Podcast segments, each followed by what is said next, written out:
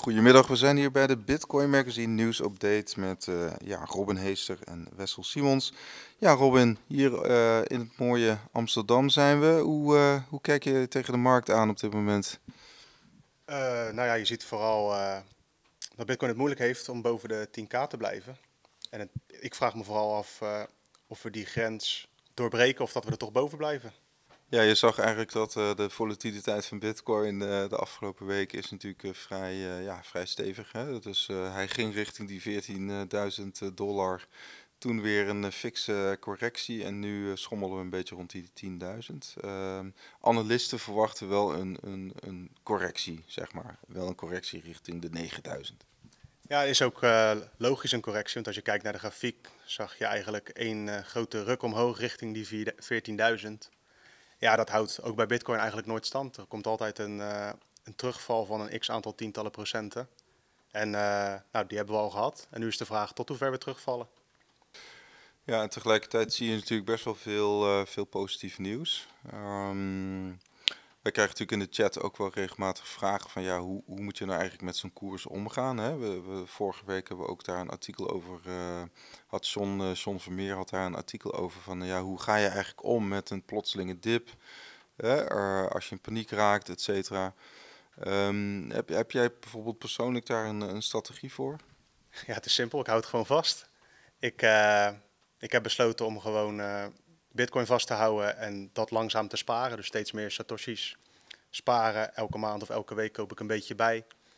En that's it. Ik kijk wel naar de koers en ik vind het super fijn dat hij weer een beetje uh, tot leven komt. Maar tegelijkertijd uh, lig ik er niet meer wakker van als hij even wat daalt. Sterker nog, ik kan nu voor uh, minder euro's meer Bitcoin kopen. Dus op zich ben ik er niet blij mee. Maar ik vind het niet heel erg. Dus je hebt echt een lange termijn ja, strategie voor Bitcoin inderdaad. We zagen heel eventjes dat de altcoins een beetje, hè, die gingen ten opzichte van Bitcoin wat eh, omhoog. We zagen bijvoorbeeld Holochain, we zagen uh, een beetje Ripple, we zagen uh, volgens mij uit mijn hoofd Binance Coin. Maar goed, het lijkt toch, het lijkt niet echt door te zetten, hè? Ook, ook bij de altcoins niet. Dus een alt, alt, alt season is voorlopig niet aan de orde.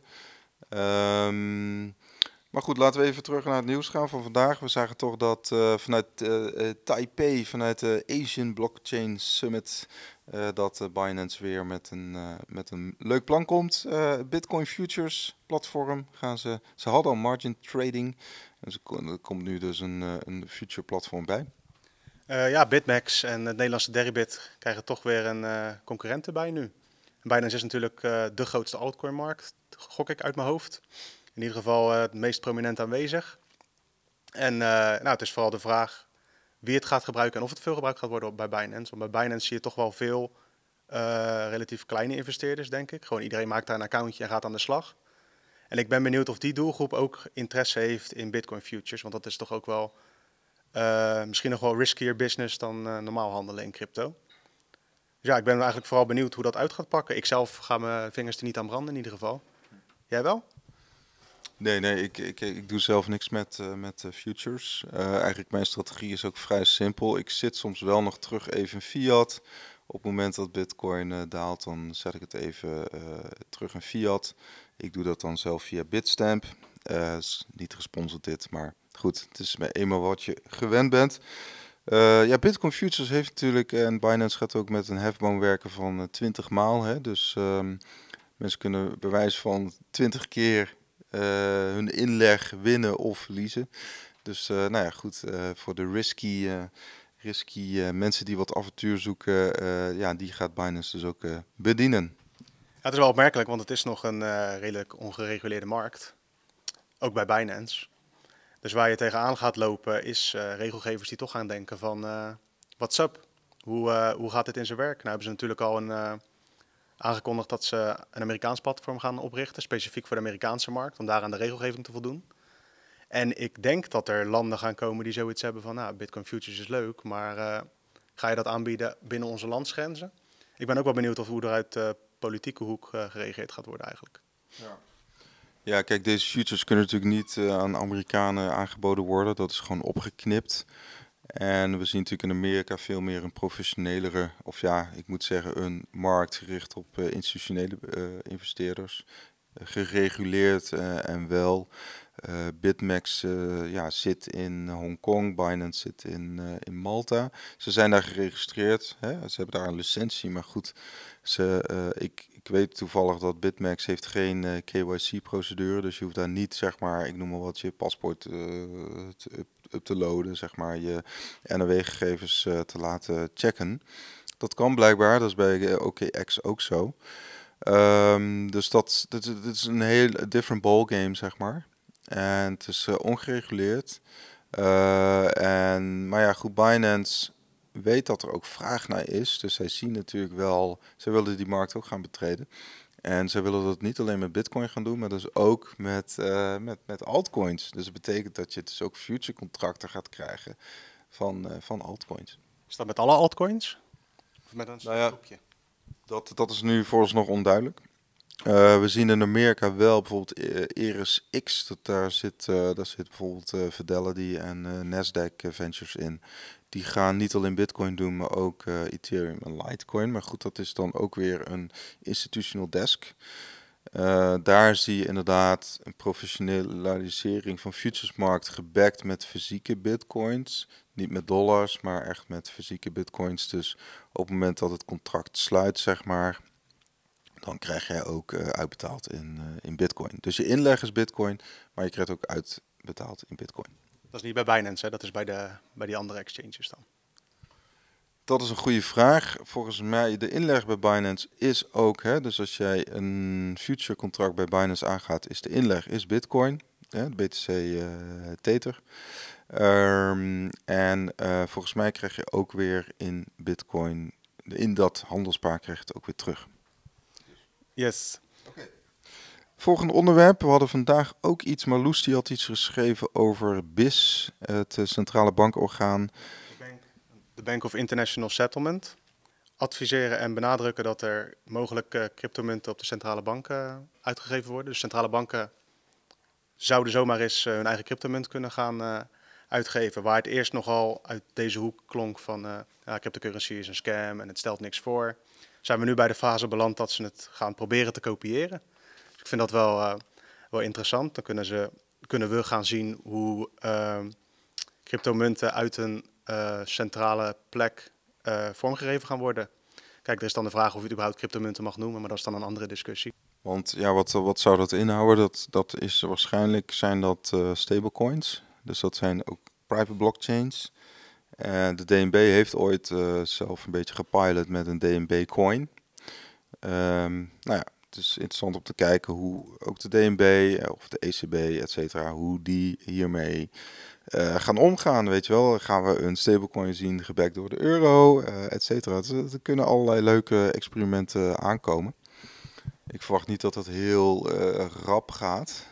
Maar goed, het, ja, hij is toch een invloedrijke bestuurder die dit even toch op tafel gooit. Dus het zal vast wel ook wellicht tijdens de G20 ook aan bod komen. Ja, Goldman Sachs kijkt er natuurlijk ook naar. Hè? Die heeft ook nadrukkelijk gezegd dat ze bezig zijn of aan het kijken zijn naar een eigen cryptomunt. Ja, dat zijn allemaal ontwikkelingen waarin je eigenlijk kan zien dat het normaler wordt om een cryptomunt in ieder geval te gaan gebruiken in je systemen. En dan is het, denk ik, achteraf uh, zo meteen de vraag: ja, is het het waard om zelf zoveel geld te investeren in een bepaalde infrastructuur, in bijvoorbeeld een private blockchain? Of moet er toch gekeken worden naar een mogelijkheid om die coins uit te geven op een publieke blockchain? Dan heb je daar een soort van, uh, je hebt alle uitersten, is bijvoorbeeld Bitcoin. Maar je kunt ook denken aan uh, coins uitgegeven op bijvoorbeeld de Libra-chain die er zo meteen aankomt. Dat is een soort van tussenstapje van een centrale bank. Ze gaan wel ergens anders dan hun munt uitgeven. Maar het is toch een beetje toch centraal geregeld. Ja. Ja. Nou ja, Facebook heeft natuurlijk wel gesprekken gevoerd met verschillende Wall Street banks, uh, waaronder ook Goldman en JP Morgan.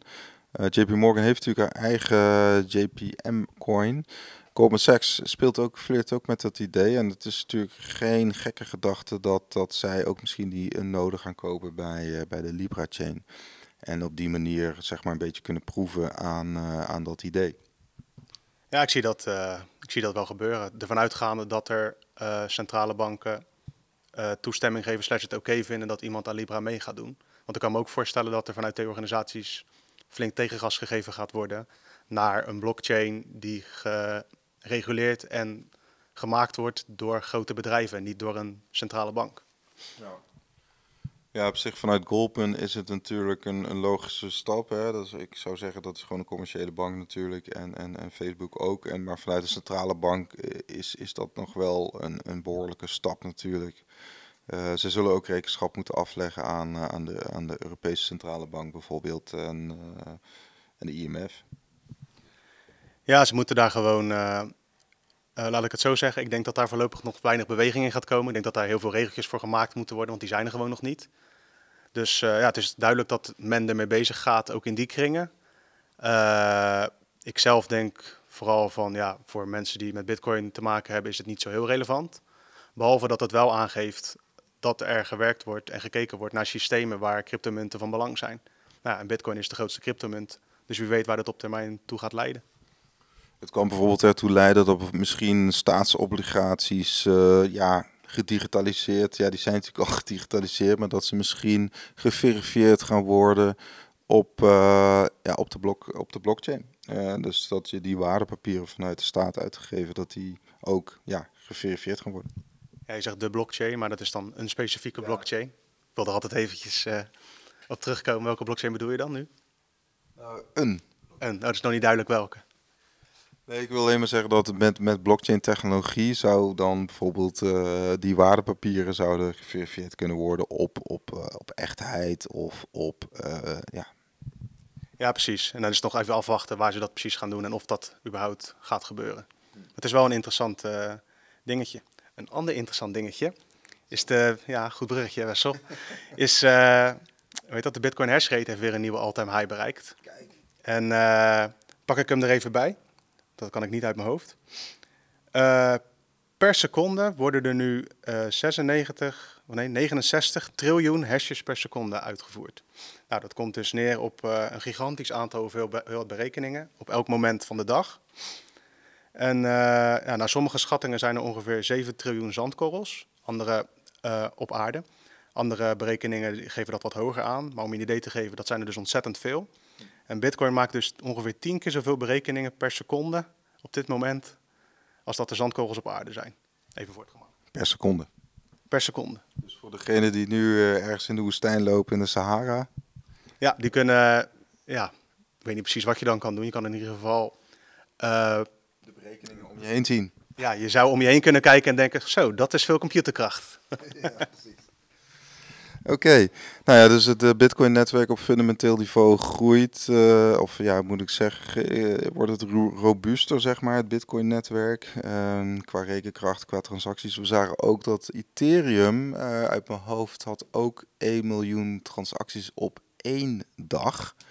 dat was ook een nieuwe mijlpaal. En um, dus ook Ethereum is bezig om, uh, nou ja goed, ze zijn sowieso hard bezig om zeg maar naar een proof of stake uh, consensus te gaan. Uh, dus daar zijn ze druk mee. Maar het bestaande netwerk wordt ook gewoon nog ja, goed gebruikt. Hè, dus door, door dApps of door transacties of gewoon überhaupt door, um, door stablecoins bijvoorbeeld.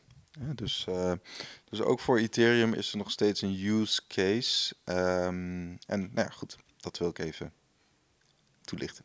Ja, je hebt ook een Ethereum shirtje aan, dus je moest wel, je moet eventjes Ethereum noemen. Ja. Over de hash rate gesproken, je hebt nu zeg maar, uh, het, wordt, het is vooral gecentreerd in China, de mining. Maar je ziet daar toch langzaamaan, vorige maand kwam al een nieuwtje naar buiten van een grote miner. Die, gaat toch lang, die ging toch langzaamaan naar Amerika. Niet omdat de stroom daar zo goedkoop is, maar omdat ze de Chinese regelgeving niet helemaal vertrouwen. Dus er zijn bepaalde partijen die uh, die hash langzaamaan ook aan het verspreiden zijn op andere plekken in de wereld waar de energie ook goedkoop is. Want je krijgt nu toch te maken met landen die echt regelgeving toe gaan passen en echt regeltjes gaan maken. En sommige bedrijven die willen daar en niet op wachten en die zitten niet te wachten op onzekerheid. Dus je ziet daar ook een bepaalde shift in ontstaan van waar het eerst echt puur om de aller, allergoedkoopste energie ging, worden er nu blijkbaar ook naar andere dingen gekeken. En dat vind ik nog wel interessant om eventjes uh, te melden. Oké. Okay. Nee, goed. Um, we gaan natuurlijk um, de komende weken. We zitten al in de maand juli. Uh, de maand juni was, uh, was een prima week voor Bitcoin. We zouden bijna vergeten. Maar hij is natuurlijk door die 10.000 heen gegaan deze maand. Afgelopen maand moet ik zeggen. En nou ja, nu is er wat sprake van, van een correctie. Het een gezonde correctie. Eigenlijk onderdeel van de, cycli waar Bitcoin ook doorheen gaat. Uh, je ziet dat analisten ook niet direct gelijk heel bearish zijn. Hè. Ze zijn toch wel, ze blijven redelijk nuchter en zeggen, nou goed, dit is onderdeel van, van uh, een, een, een boelmarkt zelfs. Hè. Dus uh, correcties horen bij de boelmarkt. Dat is ook wat Peter Brandt vandaag zegt. Hè. We zitten nog steeds in de boelmarkt. Ja, als je kijkt naar de grafieken gewoon, dan zie je wel uh, dat we in ieder geval nog niet in een grote downtrend zitten. Want dat is gewoon niet zo. We zijn relatief snel vanaf, uh, vanaf een laagtepunt gestegen naar uh, nou, bijna 14k en nu nog steeds boven de 10.000. Als je vorige maand, laten we zeggen op 2 juni, dus een maand geleden, dat gezegd zou hebben dat we nu rond de 10.000 zouden zitten, dan had iedereen gezegd, ja, graag. Dus wat dat betreft, als je puur naar de koers kijkt, zie ik het nog wel positief in. En daarnaast zie ik gewoon zoveel leuke ontwikkelingen dat ik zoiets heb van, uh, als aan het eind van deze maand, dan uh, stort ik weer een deel van mijn salaris in, into bitcoin. Ik heb er nog alle vertrouwen in in ieder geval. Nou ja, Mike Novogratz zei ook van, de, hij verwacht een uh, consolidatie hè, tussen de 10 en de 14.000. Misschien is dat best wel een, een, een, prima call, weet je wel. Als we gewoon um, de komende maanden tussen de 10 en 14.000 blijven, dan is dat volgens mij een prima deal voor, voor, voor, voor de industrie en uh, om, om verder te bouwen, verder te groeien. En, en wie weet komt er dan ook nog een alt-season aan. We weten het niet. Uh, de druk op de altcoins neemt in ieder geval toe. Hè? Dus naarmate de dominantie van Bitcoin stabiliseert slash uh, groeit, ja, krijgen bepaalde altcoins het moeilijk. Dus het is ook interessant om te kijken hoe, hoe die de komende maanden zich ontwikkelen. Ja, je hebt dan bijvoorbeeld nu uh, Holochain, of nee, dat is niet Holochain. Ik, uh, Chainlink bedoel ik, al die namen, heel irritant. Uh, die, doet het natuurlijk, die doet het natuurlijk goed de afgelopen tijd, maar de meeste altcoins hebben toch problemen met, met het volgen van Bitcoin. En ik denk dat dat ook deels te maken heeft met andere partijen, zoals bijvoorbeeld de Libra blockchain, die gewoon bepaalde use cases op gaat pakken van altcoins die al bestaan of langer bestaan. Uh, ja, laten we wel wezen, uh, ik ben helemaal geen fan van Libra blockchain. Maar dat daar uh, snelle transacties gaan plaatsvinden en dat het, dat het toepassingen gaat krijgen, dat is wel duidelijk. En daar gaan bepaalde altcoins sowieso last van krijgen. Ja, ja bepaalde use cases inderdaad. En op zich, Josh Rager als, als analist had daar wel een goede tweet over. Dat hij zegt van ja, met name de altcoins in 2017, hè, die destijds toch tientallen miljoenen dollars op hebben gehaald een aantal daarvan die krijgen het wel lastiger in die zin van het duurt natuurlijk steeds langer voordat zij uh, ja, adoptie krijgen of use cases op een blockchain moeten of überhaupt projecten. Als het een protocol is, hebben ze gewoon. We, zien bijvoorbeeld aan Neo. Neo heeft. Uh, die is nu echt heel druk bezig met het Accelerate-programma om gewoon maar haar protocol te gaan gebruiken. Weet je wel? En, en zij zitten zij zitten pas in die fase van hun ontwikkeling. Uh, nou goed, nu, nu nou, lijkt het erop alsof bij Neo wel het nodige op stapel uh, ligt um, om dat toch ja, aan te gaan jagen. Om... Maar goed, een aantal, ja, een aantal altcoins, die druk wordt alleen maar hoger natuurlijk. Uh, hoe langer het duurt voordat je met iets komt, hoe hoger de druk. Ja, ik wil verder geen uh, belegging, beleggingsadvies geven, maar uh, ik zit gewoon lekker veilig in Bitcoin. Dus wat de altcoins precies gaan doen, maakt me niet zoveel uit qua prijs. Maar tegelijkertijd vind ik het wel interessant om te zien wat er allemaal bedacht wordt en uh, wat de toepassingen gaan zijn. Want dan heb je, noem je bijvoorbeeld NIO, maar ook andere chains. Als je op zoek moet naar mensen om het te gaan gebruiken, eigenlijk is dat een beetje een omgekeerde wereld. Je wil eigenlijk zoiets interessants maken dat mensen het wel gaan gebruiken of willen gaan gebruiken. Ik denk dat veel altcoins, altcoin projecten gewoon langzaamaan geen stille dood sterven, want waarschijnlijk gaat dat met veel bombarie, zeg maar. Ja. Maar uh, ja, hun plekje wordt gewoon ingenomen door heel veel grotere corporate blockchains die nu aan het ontstaan zijn, denk ik. Ja. Ja, nog een laatste toevoeging inderdaad. Uiteraard ook geen financieel advies. Maar ik zag inderdaad ook bij Coindesk volgens mij voorbij komen. Er zijn twee oprichters van Gollum. Gollum was ook heel uh, ja, succesvolle ICO. Weet je wel, het idee was op zich best, best aardig. Van nou, we maken een netwerk van, van, van computers en daarmee gaan we concurreren met Amazon, et cetera. Ja, goed. Uh, mensen hebben daarin geloofd, mensen hebben daar geld in gestoken. Maar goed, twee van die oprichters zijn nu ook iets anders uh, aan het doen. We zagen een verhaal van uh, Tatu Tatu of zo. Nou ja, dat was een entertainment ICO. Nou, die, die, die, die jongen had ook volgens mij een paar honderd miljoen dollar opgehaald. En die zegt nu doodleuk van ja, nou ja, goed, dat geld dat was ook niet echt bedoeld voor een blockchain toepassing. En dus ook maar de vraag wat er nu met dat geld aan de hand is. Um, ik wil wel even eindigen met een positieve noot. En dat inderdaad, het zijn, ik zie wel een dominante trend in zeg maar connected blockchains. Hè. We hebben natuurlijk uh, OneChain kennen we langer. Maar je hebt ook dan Chainlink. Chainlink zorgt er inderdaad eigenlijk een soort van puzzelstukje tussen bestaande systemen en, en, en, en blockchain systemen. Bijvoorbeeld uh, systemen hier bij Oracle uh, combineren met Ethereum. Nou goed, zij zorgen voor een soort verbinding daartussen.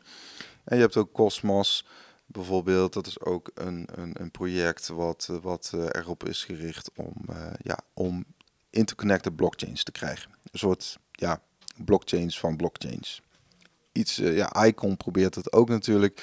Nou, op zich hele plausibele ideeën. maar goed, de vraag is ook gewoon of dat allemaal gaat lukken. Want je, hebt, ja, je moet veel samenwerken. Het moet allemaal technologisch op elkaar aansluiten, et cetera er moet ook genoeg finance zijn. Want op het moment dat je koers gaat dalen en je hebt nog bijvoorbeeld heel veel in je eigen token, dan kun je op de deur ook fundingproblemen krijgen. Ja, je hebt dat uh, recentelijk in Nederland natuurlijk gezien met Blockport. Even een zijdingetje. Die hadden nog flink wat geld staan in Ethereum of in Ether, dan wel in hun eigen token. En dat is gewoon helemaal de verkeerde kant op geknald. En dat is bij, die, bij dit soort projecten natuurlijk ook altijd het gevaar. Tegelijkertijd is het ook gewoon het is nog steeds allemaal experimenteel, zeg maar. We hebben, nou, ik durf wel te stellen dat uh, de Bitcoin een goede use case is voor blockchain. En de rest is voor mij allemaal nog heel erg uh, aan het uitproberen om te kijken wat werkt. En dan moeten zien hoe dat uitpakt. Eigenlijk is alles nog experimenteel. En dat geldt voor de blockchains die andere blockchains willen verbinden tot en met Ethereum. En eigenlijk Bitcoin zelf ook is nog eigenlijk nog heel experimenteel. Want we zijn voor het eerst bezig met decentrale netwerken te, op te zetten, te beheren, uh, aan te sturen. En het is gewoon super interessant om te kijken um, ja, hoe dat zich allemaal ontvouwt en hoe de wereld erop gaat reageren. En dat kun je natuurlijk allemaal uh, mooi bijhouden bij uh, bitcoinmagazine.nl. Yes, dit was de tweede podcast, de nieuwsupdate moet ik zeggen, de Bitcoin Magazine nieuwsupdate. nou, dank voor uw interesse. wij zijn hier vanuit het mooie B Amsterdam. En ik wil Robin Heeser bedanken voor zijn inzichten. En tot de volgende keer. En inderdaad, ga naar bitcoinmagazine.nl. En ja, word lid van de Telegram groep. Ga lekker meechatten met ons. Of nou ja, kijk eens een keertje op Twitter of Facebook. Oké, en een fijne dag. Tot ziens.